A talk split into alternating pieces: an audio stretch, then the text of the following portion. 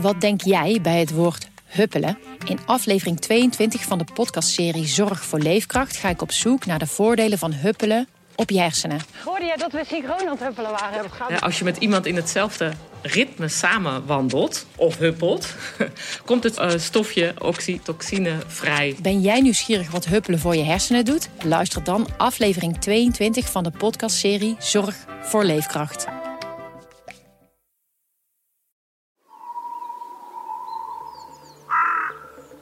Het is 1869 als de laatste wolf wordt afgeschoten in Nederland. In Limburg, Schinveld om precies te zijn. De wolf trekt zich terug, tot ver weg in Polen. Tot 1989. Mr. Gorbachev, open this gate. Mensen staan dus daar aan de westelijke kant boven op de muur. En hier gaan de mensen over de muur heen. Als de Berlijnse muur valt, en dus ook het ijzeren gordijn, kan de wolf weer onze kant op komen. Jaar na jaar komt hij steeds dichterbij en in 2018 is het zover. De wolf heeft zich definitief weer in Nederland gevestigd. Voor de een is het iets moois, de ander vindt het een gruwel. Het is maar net wie het vraagt. 17 schapen dood, gewoon dood, vermoord. Ja, van kinds af aan vond ik hem al fantastisch. En dan één keer komt hij in Nederland. Hij doet me gewoon wat. Ja. Ik weet nog wel dat ik daar heel... dat ik dat echt geweldig vond. Ik dacht, er loopt een wolf bij ons in het gebied. Kijk, nu vinden we dat allemaal heel normaal. We zijn drie jaar verder en de wereld ziet er totaal anders uit. Voor het eerst sinds lange tijd hebben we weer een groot roofdier in ons land. De terugkeer valt zo'n beetje samen met mijn eerste werkdag als verslaggever bij nu.nl. Het dier fascineert me, maar meer nog wat hij losmaakt. Ik reis al vijf jaar door het land om verhalen over de wolf te maken. En inmiddels ben ik zo'n beetje de wolvenman op de redactie. Mijn stukken over de wolf worden honderdduizenden keren gelezen.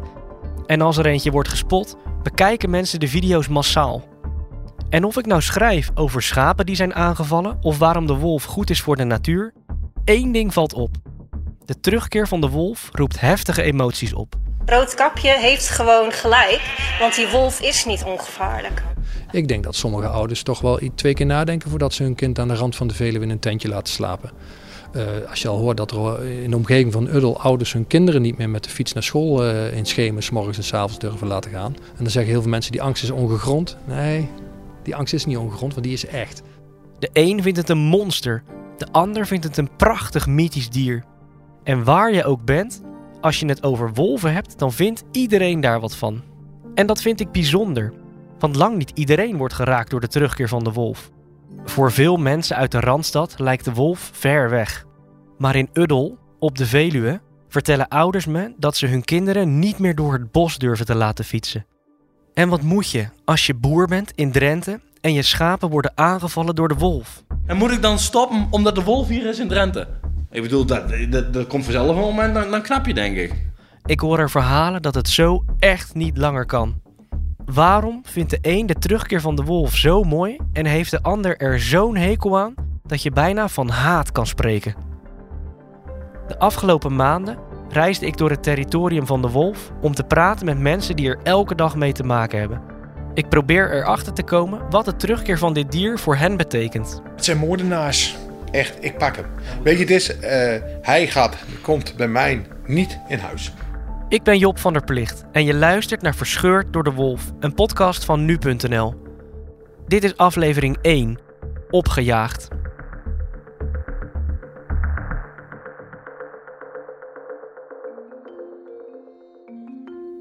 Als ik vanaf Den Haag richting het oosten rij, verandert voorbij Utrecht het landschap. De polders en industrieterreinen vol blokkendozen maken plaats voor bomen. Eerst zijn het de bossen van de Utrechtse Heuvelrug en daarna die van de Veluwe. Hier heb je nog rust en ruimte. En als wolf moet je je hier goed thuis voelen. Het is dan ook niet gek dat het eerste wolvenpaar zich op de Veluwe vestigt. Maar eerst gaan we nog even terug in de tijd.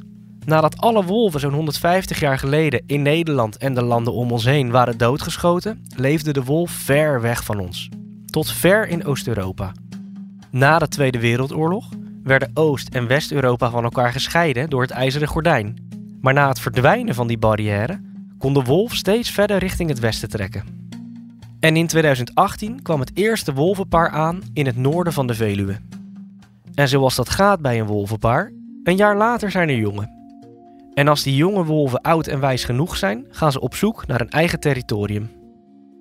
Het duurt dan ook niet lang voordat boswachter Frank Teunissen een telefoontje krijgt van zijn collega. Frank werkt op de Zuidwest-Veluwe en op die zaterdag in mei 2020 weet hij direct: dit is groot nieuws. Om het zeker te weten plaatst hij wildcamera's in het bos. Maar wat is aan de hand? Dieren waren allemaal onrustig. Ze stonden allemaal op plaatsen waar ze normaal gesproken helemaal niet stonden. Dus je had wel zoiets van, er is iets aan de hand, maar we konden eigenlijk de vinger er niet op leggen. Totdat we natuurlijk die wolvensporen zagen. Dat was ook echt zo'n aha-moment, weet je wel. In de ruim 30 jaar dat hij nu boswachter is, heeft hij nog nooit een wolf gezien. En vanaf dat moment houdt het hem dagelijks bezig. Elke dag speuren in dat rustgebied. Elke dag weer die prenten van die wolf. Eerst zit je te zoeken naar die drol, want je wilt dat DNA-monster kunnen nemen. De uitslag van het DNA-profiel komt terug. Nu weet hij het zeker. Er loopt ook een wolf in zijn bos. En op een avond, als hij thuis met zijn vriendin de SD-kaartjes van de camera's naloopt, ziet hij het. Het zijn beelden van vroeg in de ochtend, na een regenachtige nacht. Op de grond hangt een laag mist. En we hadden natuurlijk die sporen, maar ja, je, eigenlijk verder niks. En dan in één keer, echt een beetje door de mist heen, drie seconden, even naar de camera kijkend, zo van rechts naar links. Ik zag het eigenlijk helemaal niet. Ik zat zo'n beetje naar dat, naar dat scherm te kijken. En zij zegt wolf. Van wolf? Ja, dan weer terugspoelen natuurlijk. Ja, nou, nou, toen hadden we dus een wolf. Ik weet nog wel dat ik daar heel... Dat ik dat echt geweldig vond. Dat ik dacht, van, er loopt een wolf bij ons in het gebied. Ook Frank weet dat wolven sinds de val van het ijzeren gordijn steeds dichterbij komen. En natuurlijk ook dat ze verderop op de Veluwe zitten. Maar tot nu toe had er zich nog geen één in zijn gebied gemeld. Je zag ze komen, ik hield het ook in de gaten. Dus je wist van, het is een kwestie van tijd. Maar ja, dan gebeurt dat. Maar toen was het echt wel heel, heel speciaal. Ik was daar echt, gewoon, echt van onder de indruk. Ik vond het echt ook geweldig dat die topperdatum weer terug was. Frank is euforisch. Want wolven jagen op de zwakke edelherten en wilde zwijnen. Zo blijven alleen de sterkere dieren over en dat maakt de populatie gezonder. Dankzij de wolf kunnen jonge bomen ook groot worden, omdat herten uit angst niet meer overal durven te eten. Ook vinden we sowieso dat er te veel herten en wilde zwijnen op de Veluwe leven. Buiten de bossen vernielen ze onze tuinen. En er bestaat de kans dat we ze met de auto aanrijden. Dus doen we daar wat aan. Als je praat over Gelderland, want we moeten hier jaarlijks, ieder jaar opnieuw, tussen de 12.000 en 19.000, afhankelijk van de aanwas, edelherten, wilde zwijnen, damherten en reeën worden afgeschoten. Dat lukt geen mens meer. We hebben nachtkijkers, we hebben restlichtkijkers, we hebben warmtebeeldkijkers. We krijgen die beesten niet meer dood. Ik zeg het heel cru, omdat het ook gewoon zo cru is. De populaties van die dieren nemen alleen maar toe. Als je een boompje in het bos groot wil laten worden, moet je er een hek omheen zetten, want anders wordt hij opgevreten. En dan komt er een wolf. En die wolf, die gaat een territorium vormen, die gaat jongen krijgen, die gaat een roedel vormen en die gaan jagen. Want dat doet een wolf nou eenmaal, want daarvoor is hij op deze aardbol. En die gaat al die dieren waarvan wij last hebben, die gaat hij beheren. 365 dagen per jaar. En hij doet het duizend, meer, uh, duizendmaal beter als dat wij het kunnen, om het zo maar te zeggen. Want we hebben last van edelherten en wilde zwijnen? Ja, anders schoten we ze toch niet dood? Op de Veluwe is Frank blij met deze nieuwe aanwinst in zijn bossen. Maar een wolf houdt zich niet aan de grenzen van het bos en gaat vroeg of laat op pad. En als dat gebeurt, dan loopt hij in Nederland al snel een strak georganiseerd spel van weilanden, velden en dorpen binnen waar boeren hun dieren hebben staan. Daar zijn ze niet zo blij met de wolf. Of eigenlijk haten ze hem. Want een hongerige wolf jaagt ook op schapen en ander vee. Ik heb filmpjes gezien dat die, die wolf in uh, in koeienstal komen. Nou, de lust de hond geen worst van, zeggen we dan. Nou, ze pakken die koeien, jongen. Ze bijten overal. Ze bijten in de uizen, in de poten. Maar dan gaat je adrenaline zo hard stromen. Je zul je beesten beschermen. Je hoort boer Gert-Jan Brouwer uit Stroe. Een dorpje aan de rand van de Veluwe.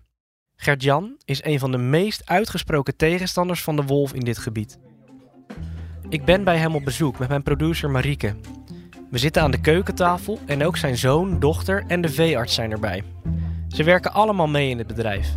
Bij binnenkomst struikelen we dan ook over de klompen. Tijdens ons gesprek is het erf een zoete inval van allerlei mensen die langskomen. Maar op zondagavond is dat niet zo. Dan is het rustig op de boerderij. Dat is het ook op die ene zondag in januari. Tot ineens koplampen het erf verlichten. De hele familie Brouwer veert op en gooit het raam open. Wat is hier aan de hand? Komt, kom, eh, komt er hier een auto aan rijden. En die zegt zo, hebben jullie beesten? Ja, wat denk je? Op de boerderij heb je wel beesten, hè? Ja, maar buiten lopen. Nee, het is winter. Ja, ja want de wolf loopt er. Nou, toen was het eh, was een gekkenhuis. We zijn allemaal naar buiten gegaan. En kijken waar dat ding zat. Er loopt een wolf op jullie terrein, was de boodschap. En wolven, daar moet Gert-Jan Brouwer niks van hebben. Ja, en eh, persoonlijk zeg ik gewoon, eh, alle wolven weg. Schiet ze maar af. Weet je, het is nou moordt hij honderden schapen en, en geiten en ponies en noem het allemaal maar af. Ja, eh, die, die wolven dood. Ja, en bewaar er een paar in een dierentuin. Scherm ze goed af. Klaar. Gert-Jan is doodsbang. Niet alleen voor zijn vee, maar ook voor zichzelf en zijn kinderen. Dus als hij hoort dat er niet één, maar drie wolven op zijn terrein lopen, pakt hij zijn telefoon. Ja, en ik heb een appje op die boeren-app gedaan. Nou, het was hier zwart van het volk. Gert-Jan heeft een appgroep van zo'n 200 man uit de buurt waarin ze steun zoeken bij elkaar, sinds de wolf in het gebied gezien is. We appen elkaar dagelijks in de groep. Ja, en eh, we spreken elkaar ook heel vaak. Maar als hier de buurman zegt, ik heb de wolf. Ja, ik heb straks gezegd, ik heb een jaagwagen caddy eraan. Ik heb overal prikkeldraaien zitten. Maar die caddy die, jaagt gewoon door de prikkeldraaien heen. Die wolf die kent niks, maar die, ik pak hem. Echt, ik pak hem. Hij gaat, komt bij mij niet in huis. Weet je, is als jij vijf hoog zit en je hebt vier muren, dat is je huis. Dan ben jij baas. Dat is jouw eigendom. Of je nou huur of dat ko koopwoning is, maakt niet uit. Jij bent de baas. Dit is van mij. Dus als Gert-Jan te horen krijgt dat er wolven op zijn veld lopen, gooit hij een appje in de groep. Maar er wordt dus onderling gebeld. Ik weet niet hoe groot die straal is, maar eh, onderling gebeld tussen boeren, tussen, uh, Ja, tussen, burgers ook. tussen burgers. Gewoon, gewoon hier mensen uit het dorp. Ik heb hem gezien. Ja. Hoe gaat zoiets dan? Nou, zo dus. Het appje dat Gert-Jan verstuurt gaat naar veel boeren uit de omgeving. Mensen laten alles uit hun handen vallen en stappen in hun auto. Binnen no time zijn er tientallen auto's en trekkers onderweg naar het erf van de familie Brouwer. Het was net of er een inbreker ergens was dat de hele WhatsApp-groep kwam, hè?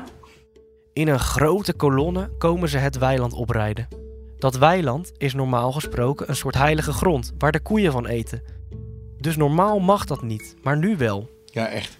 Ze, er stonden ook sporen in het land dat ik dacht, ik ben echt zuinig op mijn land. Gert-Jan, het is voor het goede doel geweest. Wat kwamen ze hier doen dan? Wolf opzoeken, laten we dat maar zeggen. De wolf opzoeken? Ja.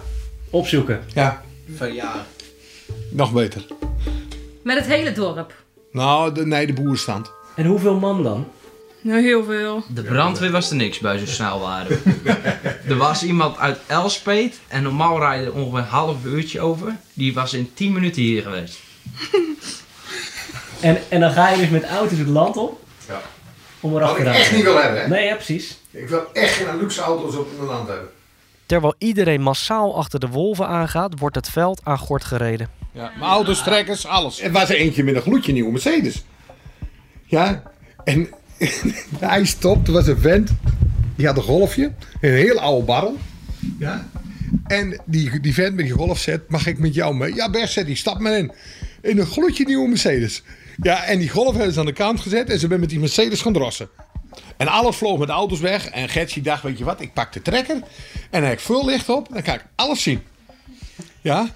Maar die trekker die had geen 70. Ja. Dus toen ben ik naar huis gegaan. Toen heb ik mijn vrouw opgehaald. En toen ben ik weer in de caddy gegaan. Ja. En overal rond. En we hebben alles afgezocht naar die dingen weer. Maar ja, iedereen heeft wat gezien, behalve wij. Het is één en al chaos. Tientallen auto's crossen over het veld en mensen bellen elkaar om door te geven waar de wolven zitten. Ja, we de hele groep ben aan het bellen gegaan. En dan, hier, oh, nee, hier loopt hij. Ja, ik ben nu toevallig in begin. Ja. Ik heb filmpjes gezien van die avond. Je ziet de drie wolven verschijnen in het licht van de koplampen. Ze rennen voor hun leven. Je krijgt er wel energie van, je zult hem krijgen. Dat beest dat gaat eraan als het aan jou ligt. Dat beest dat hoort hier niet. Maar toen maandagavond ben we gaan evalueren hier nog. Ja. En eh, iedereen had op gezien. Ik zei, ja, alleen ik niet. En waren er dan ook wapens of zo? eh, in- eh, Ja, echt waar, man, dat weet ik niet. Ja. Misschien een stok, een greep of een gavel, ik weet het niet. Al zetten ze alles op alles, ze slagen er niet in de wolven te pakken te krijgen. En Gert-Jan heeft nog steeds geen wolf gezien. Tot die ochtend van 1 oktober. We beginnen vanavond met de dode wolf in Stroe. Vorige maand is er voor het eerst sinds een terugkeer in ons land een wolf omgekomen na te zijn neergeschoten. Het is een beschermde diersoort en daarom is dat strafbaar.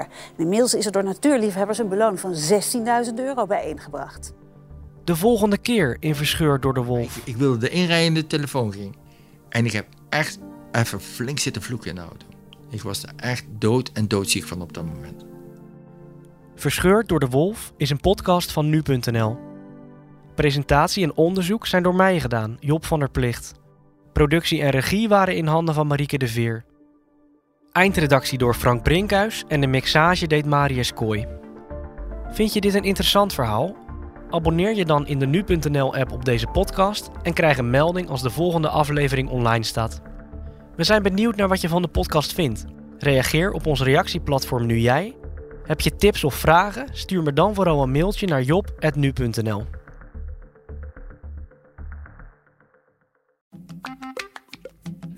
Wat denk jij bij het woord huppelen? In aflevering 22 van de podcastserie Zorg voor Leefkracht ga ik op zoek naar de voordelen van huppelen op je hersenen. Hoorde jij dat we synchroon aan het huppelen waren? Ja, als je met iemand in hetzelfde ritme samen wandelt of huppelt, komt het uh, stofje oxytocine vrij. Ben jij nieuwsgierig wat huppelen voor je hersenen doet? Luister dan aflevering 22 van de podcastserie Zorg voor Leefkracht.